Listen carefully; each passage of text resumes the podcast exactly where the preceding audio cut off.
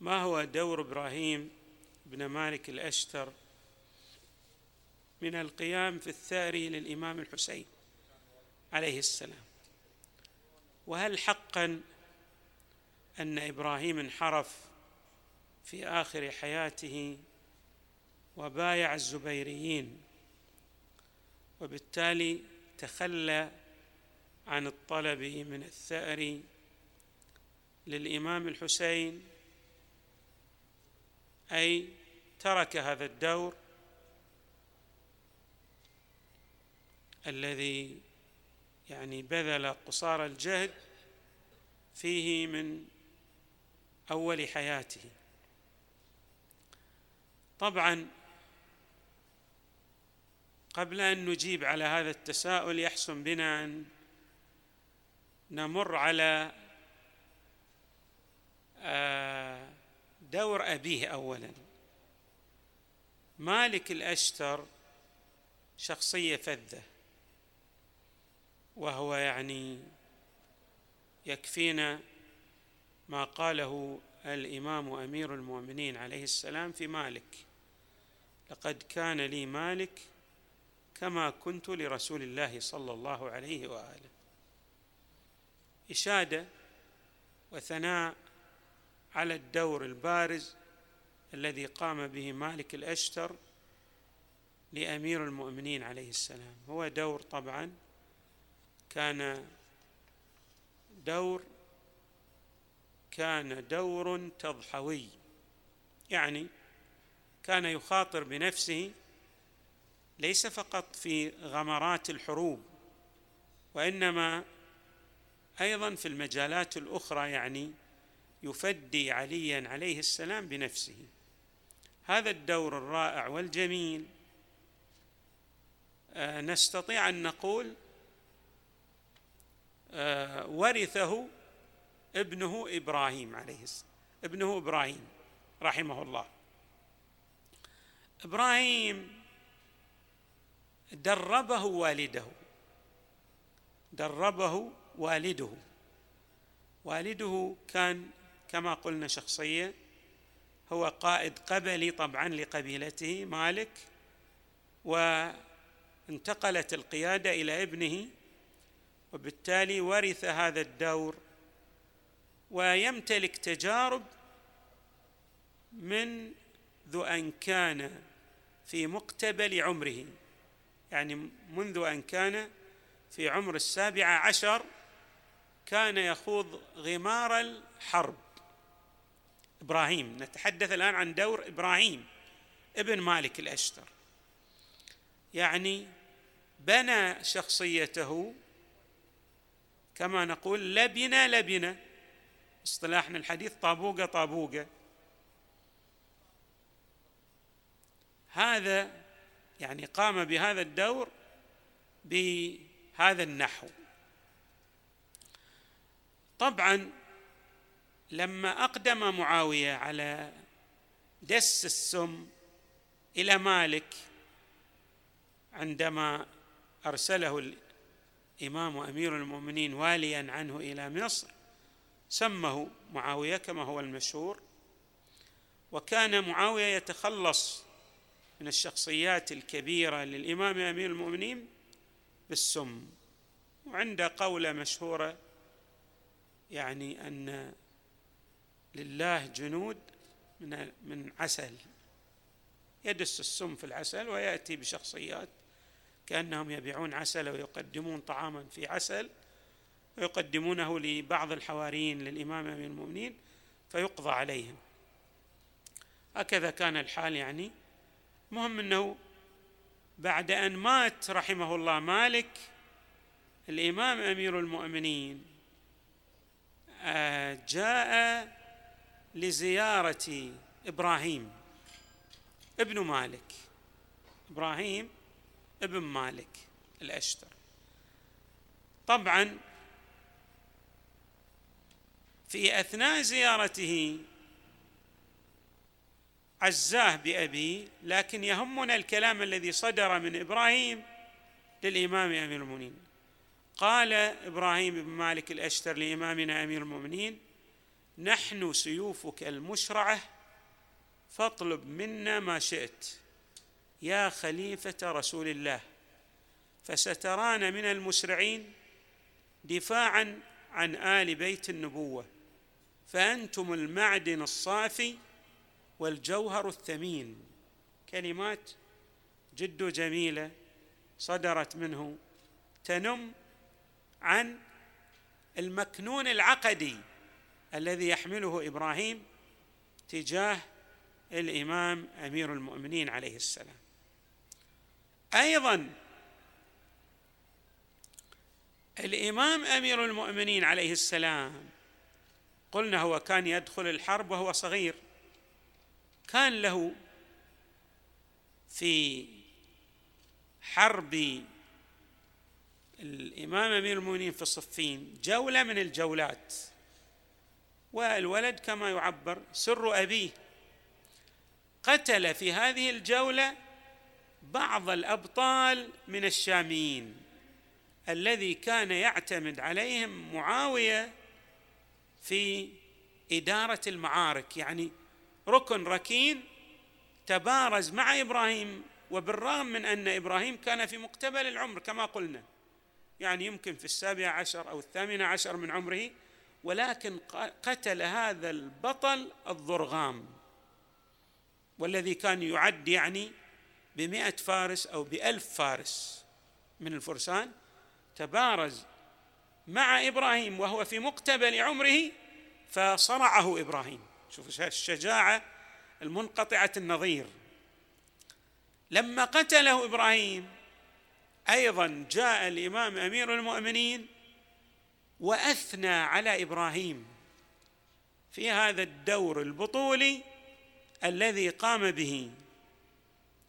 يعني واحد حميري من حمير الإمام بعد أن قتل إبراهيم بن مالك الأشتر النخعي قبيلة النخع قتل هذا الفارس الضرغام كما قلنا الإمام جاء وأثنى على شجاعته وأشاد بشخصيته أمام الجند. طبعا الإمام ما يشير إلى شخصية هامشية. وهذا الثناء العطر من الإمام أمير المؤمنين. في الحقيقة له ما يبرره كما سنذكر ذلك لاحقا. طبعا بعد أن المختار كلنا نعرف أنه قام بثورة لاستئصال قتلة الإمام الحسين عليه السلام. واحد من الشخصيات أشار على المختار ابن أبي عبيدة الثقفي هو من ثقيف الطائف ولكن أيضا كان المختار زعيم قبلي يعني له ماذا؟ له مثل ما نقول له نفوذ قبلي. أشار على المختار قال له إذا أردت أن تنتصر في ثورتك للقضاء على عبيد الله بن زياد وعلى قتلة الحسين عليك أن تستعين بإبراهيم بن مالك الأشتر لأن هذا زعيم محنك. وله تجارب في الحروب. وإذا اتكأت عليه فستتكئ على ركن وثيق جدا. بالفعل هذا اللي هو يعني المختار أرسل رسالة إلى إبراهيم بن مالك الأشتر واستدعاه وقال له يعني إحنا عندنا مهمة نريد أن نقوم بها. الهدف منها القضاء على قتلة الإمام الحسين عليه السلام. طبعا قال له طبعا وأنا أمثل محمد بن الحنفية في القيام بهذا الدور. يعني أنا كلفت بهذا الدور من محمد بن الحنفية. طبعا محمد بن الحنفية فعلا المختار تكلم مع محمد بن الحنفية في أن يقوم بهذا الدور. أي في استئصال الذين قتلوا امام الحسين عليه السلام. ومحمد بن الحنفية بدوره أيضا ذهب إلى زين العابدين فاستشاره بأن المختار جاءه وطلب منه أن يقوم بهذا الدور. الإمام زين العابدين قال له قال يعني لعمه قال يا عم لو أن عبدا زنجيا تعصب لنا أهل البيت لوجب على الناس مؤازرته. معنى ذلك أن الإمام زين العابدين أن الإمام زين العابدين عليه السلام يعني كأنه أعطى ضوءا اخضرا أو ضوءا اخضرا لعمه محمد بن الحنفية بأنك لو أذنت للمختار لما كان في هذا الإذن بأس لأن مسألة طلب الثأر من قتلة الإمام الحسين أمر مشروع. فهم المختار أن الإمام زين العابدين عليه السلام أعطي أذن من أين؟ من الإمام زين العابدين. بالفعل قام بهذا الدور كما قلنا أيضا راسل من؟ إبراهيم بن مالك الأشتر. ليس فقط راسله بل تودد إليه. وقال له يعني حتى لو أنا انتصرت في هذه الثورة ضد هؤلاء من المجرمين الذين قضوا على الإمام الحسين أو قتلوا الإمام الحسين وأنصاره راح أعطيك المنصب الذي تختاره لنفسك. أنت زعيم قبلي. الدور الذي تختاره لنفسك راح يعني تتبوأ أي منصب قيادي تختاره. في حال أني انتصرت. معنى ذلك أنه استعان بي إبراهيم اتكى عليه في حربه وأيضا أعطاه ما يبتغيه إبراهيم. إبراهيم كما قلنا زعيم قبلي أيضا يطمح أن يحصل على بعض المناصب القيادية من لدن هذا الثائر اللي هو المختار. وبالفعل إبراهيم نستطيع أن نقول كان يمثل القاعدة الأساسية لانتصار المختار. ولولا إبراهيم في دفاعه وذوده عن المختار لما استطاع المختار أن يحقق مآربه. يعني كان للدور الكبير الذي قام به إبراهيم في نصرته للمختار كان له شنو؟ الأثر الكبير الأثر الملموس لأن المختار كان في الحقيقة شنو؟ يعني بين مثل ما نقول آه، أشبه بتشكل دولتين. في دولة في بداية التشكل وهي دولة الزبيريين. وفي دولة قائمة التي هي الدولة الأموية ولها صولة وجوله وكلا الدولتين على شنو؟ معارضة شديدة مع المختار. فهو يعني واقع في النصف مثل ما نقول.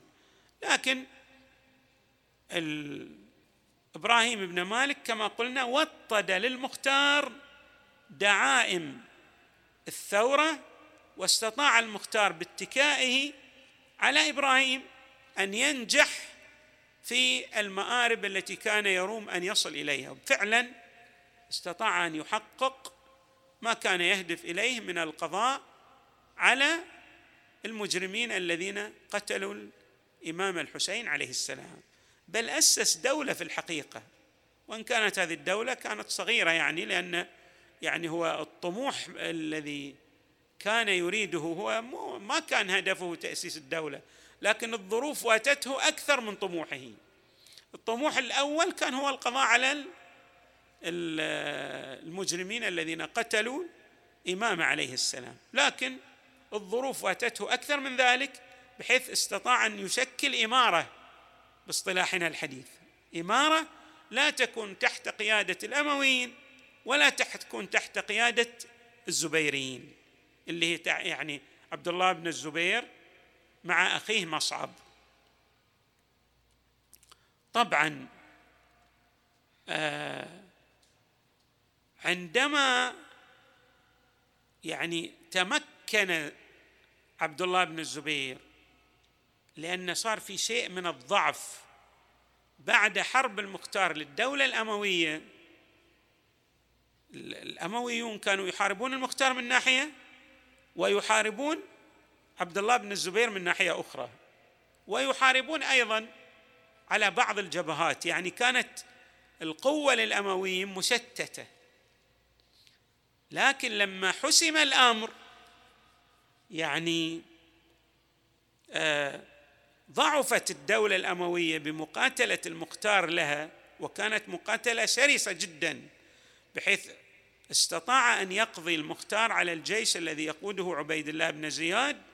يعني بالرغم من كثرة يعني كان يقرب من سبعين ألف وكان جيش المختار أقل من سبعة آلاف. لكن هالسبعة آلاف استطاعت أن تتغلب على ذلك الجيش العرمرم الذي يفوق يعني في تعداده السبعين ألفا. المهم أن المختار انتصر على الجيش الأموي. لكن من سوء القدر أن تقوى عبد الله بن الزبير يعني بضعف الأمويين تقوى عبد الله بن الزبير. عبد الله بن الزبير كان أيضا يحمل هما في القضاء على المختار. فصار الآن المختار يحارب من قبل الأمويين وأيضا من قبل عبد الله بن الزبير. المهم أنه وقع مثل ما نقول بين فكي كماشة. قضي على المختار. بعد القضاء على المختار طبعا إبراهيم رجع إلى قبيلته اللي هي النخع. وصار زعيم قبلي.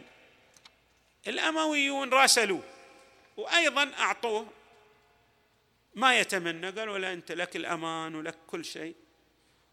وأيضا اختر ما تراه من المناصب وراح نحن يعني نمسح تاريخك. عندك تاريخ أسود بالنسبة للأمويين لكن إحنا راح نغض الطرف عنك إذا غيرت الموجة مثل ما نقول. وطبعا السياسة هي هكذا مثل ما يقولون. يعني ما في شيء آه دائما أسود أو دائما أبيض. في مناطق رمادية عند السياسيين يعني ما يهم.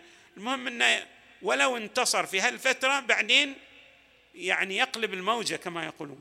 لكن ما استجاب للأمويين. في هالأثناء طبعا أيضا أرسل اللي هو آه، أرسل الزبيريون رسالة إلى إبراهيم ابن مالك الأشتر. وقالوا لا أيضا أنت لك ما تختار. وإحنا يعني أيضا بالرغم أنك كنت تقاتل مع المختار ووطأت يعني وطأت الدولة أو وطت الدولة دولة المختار لكن إحنا ما لا شأن لنا. المختار الآن قضي عليه. المهم الآن نبدأ صفحة جديدة وأنت تصبح من من القادة الكبار لدولة الزبيريين. طبعا هو رأى نفسه بين خيارين أحلاهما مر كما نعبر. إما أن يكون مع الزبيريين الذين قضوا على دولة المختار وإما أن يكون مع أيضا ما ما مع الأمويين. قلنا هو ماذا؟ صاحب هم. هو همه أن يقاتل الأمويين. فشاب بما أنه بما أن هناك صراع بين الأمويين والزبيريين فقال أنا ما راح أتخلى عن مسؤوليتي خلني أصير أنضم إلى الزبيريين في مقاتلة الاموي أنا متوجه إلى هدفي ما راح يغير عندي شيء هذا. يعني مجرد أن أعلن إني أؤيد الزبيريين ما راح يغير على قبيلتي شيء. لكني ما أقدر إني أقاتل بقبيلتي المحدودة العدد أقاتل دولتين أقاتل الزبيريين وأقاتل بعد شنو؟ الأمويين. مثل ما نقول يعني ما يقدر بالطبع يعني هو بين كما قلنا بين خيارين احلاهما مروا فلذلك ماذا اختار؟ في بعض الأحيان الإنسان يقف في موقف غاية في الصعوبة فما يقدر إلا أن ماذا؟ أن يختار أقل الموقفين أو أقل الخيارين ضررا. وهذا ما فعله إبراهيم ابن مالك الأشتر. في الحقيقة عند تأييده للزبيريين لا لأنه كان يؤمن بالزبيريين لكن آمن بأن الانضمام إلى الزبيريين في مقاتلة الأمويين ما راح يغير من خطته وهدفه. فلذلك مشى في هذا الخط. والآن أشير إلى قاعدة. هذه القاعدة منظرة من لدن الإمام أمير المؤمنين عليه السلام. يعني يقول ليس العاقل من يعرف الخير من الشر. فذلك كثير. كل الناس يعرفون إن هذا خير وذلك شر. لكن العاقل اللي يقف بين خيارين كلاهما شر. زين شو تسوي في هالحالة؟ لا بد أن تأخذ شو يقول الإمام المؤمنين؟ العاقل من يختار أهون الشرين أقل الضررين. لأن في بعض المواقف أنت تكون هكذا يعني ما تقدر ما عندك خيار إلا أن تكون في موقف. أما أن مثلا تسلم نفسك وقبيلتك وتحارب على جبهتين وش تسوي بعد؟ تنتهي أنت وقبيلتك مثل ما لا يعني لو كنا لو كان واحد في موقف إبراهيم راح يصير ماذا؟ ما يقدر لا, لا, لا ليحافظ على نفسه ولا على قبيلته. فالموقف الذي اتخذه إبراهيم ابن مالك الاشتر مو لأنه ترك المسار الذي يعني ربى عليه نفسه وإنما لأنه وقع كما عبرنا في بداية الكلام وقع بين فكي كماشة. ماذا يفعل؟ الأمويون يترصدونه لأن عنده تاريخ ماذا؟ نضالي كبير ضد الأمويين. وأيضا الزبيريون اللي كانوا طبعا في أوج انتصارهم يترصدونه. وكلا الفريقين يريد أن يستمي له لأنه هو قائد ومحنك وعنده قبيلة تسمع له وتطيع. فما كان منه إلا أن استجاب لمن؟ للزبيريين الذين هم أقل ضررا كما قلنا. يعني ما كان عندهم التاريخ الأسود أو الذي يعني فعله الأمويون بأهل البيت وبالنبي من قبل أيضا. كما نعرف أن الحزب الأموي كان له يعني مجابهات حادة جدا مع المصطفى صلى الله عليه وآله الطاهرين. فهذا السبب الذي جعل إبراهيم بن مالك الأشتر يعني يميل إلى الزبيريين لا لحب لا لحبه لهم. أو أنه مثلا كان يؤمن بأهدافهم ومبادئهم وإنما للحفاظ على نفسه وعلى قبيلته أيضا ولتحقيق مآربه في محاربة الأمويين.